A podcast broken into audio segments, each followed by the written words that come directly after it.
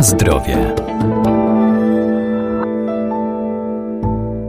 Nasza codzienna dieta powinna być dobrze zbilansowana i dobrana do indywidualnych potrzeb. Z pewnością w jadłospisie nie może zabraknąć dojrzałych warzyw i owoców, które pomogą nam zastąpić niezdrowe przekąski. Istotne jest także odpowiednie nawodnienie.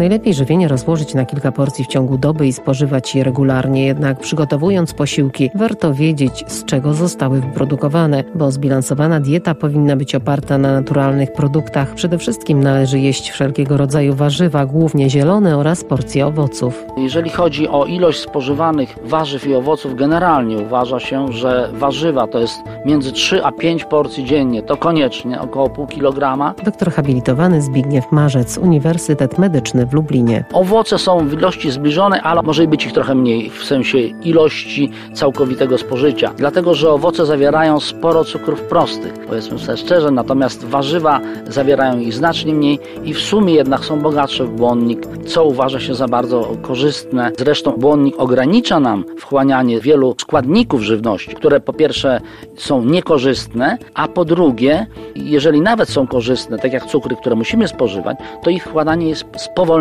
w związku z tym na przykład skoki glikemii po spożyciu posiłków bogatych na przykład w cukry są mniejsze. Kolejną grupą bardzo istotną, zawierającą sporo błonnika są produkty zbożowe. Mówi się, że powinny być z wymiału zawierającego więcej błonnika, chociaż ja bym powiedział tutaj, że powinniśmy zachować rozsądek. Żywienie nie składa się tylko z prawego i lewego krawężnika, że albo białe bułeczki, albo pieczywo tylko żytnie z pełnego wymiału, tylko jest cały środek, gdzie są pieczywa mieszane, po pierwsze, one mają lepszą konsystencję, często są smaczniejsze, a ilość błonnika w nich nie jest aż tak bardzo mniejsza, a poza tym, powiedzmy sobie szczerze, błonnik wpływa korzystnie i na perystaltykę, i przewodu pokarmowego, i na wchłanianie różnych składników, ale też ogranicza ich wchłanianie. A o tym się generalnie już nie mówi, że co z tego, że pieczywo z pełnego wymiału zawiera znacznie więcej witamin i składników, ale jest znacznie gorzej przyswajalne tego rodzaju pieczywa. Więc mówię, jest ten wybór, żeby po prostu też stosować ten środek, coś co nam bardziej odpowiada, a jednocześnie jest i zdrowe. Natomiast, no powiedzmy sobie szczerze, wiele pieczyw z pełnego wymiału to określilibyśmy prawie jako zakalce często po prostu, no taka prawda. Więc mówię, nie znaczy, że nie należy ich jeść, oczywiście, bo takie w tej chwili są generalnie zalecenia prawie tylko z pełnego wymiału. Ja bym że nie tylko, ale żeby ich udział był też znaczący. Ale ja bym jednak stawiał preferencje smakowe. Jeśli komuś to nie odpowiada, to ma przecież chleby mieszane, czy pieczywo mieszane.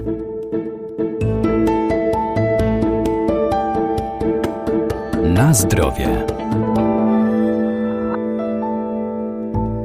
Istotnym dla zdrowia składnikiem pokarmowym jest woda, którą szybko tracimy, dlatego musimy ją uzupełniać. Odgrywa wiele funkcji. Jest ona w naszych mięśniach, komórkach mózgowych, we krwi czy w kościach. Znaczenie wody w codziennym naszym życiu jest trudne do przecenienia, a z ogólnie żywieniowych wytycznych wiadomo, że spożycie wody jest bardzo istotne. Już nawet niewielkie odwodnienie organizmu rzędu 2% powoduje pewne dolegliwości.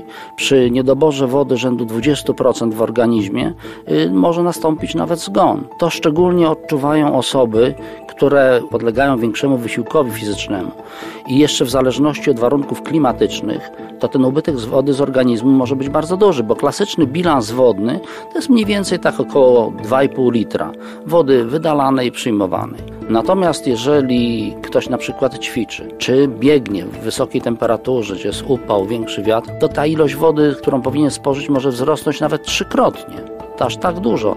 Tego jest dlatego, że gro wody służy wtedy y, chłodzeniu organizmu po prostu i, i gro wydziela się przez skórę właśnie na skutek parowania, ochładzając organizm, nie dopuszczając do przegrzania. No i oczywiście istotna jest jakość wody. Składniki mineralne, które wchodzą w skład wód, jest ich tak z grubsza wykryto około 50. Z tego tak naprawdę znaczenie ma 9 do 10.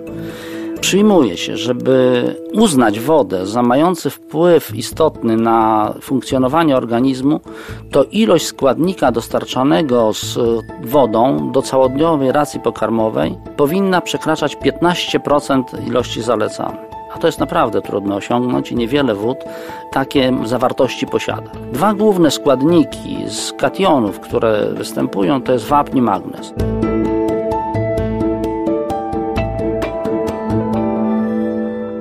Najlepiej unikać spożywania tzw. Tak wód smakowych, które przeważnie powstają na bazie wody z dodatkiem soków lub aromatów oraz cukru i innych substancji słodzących.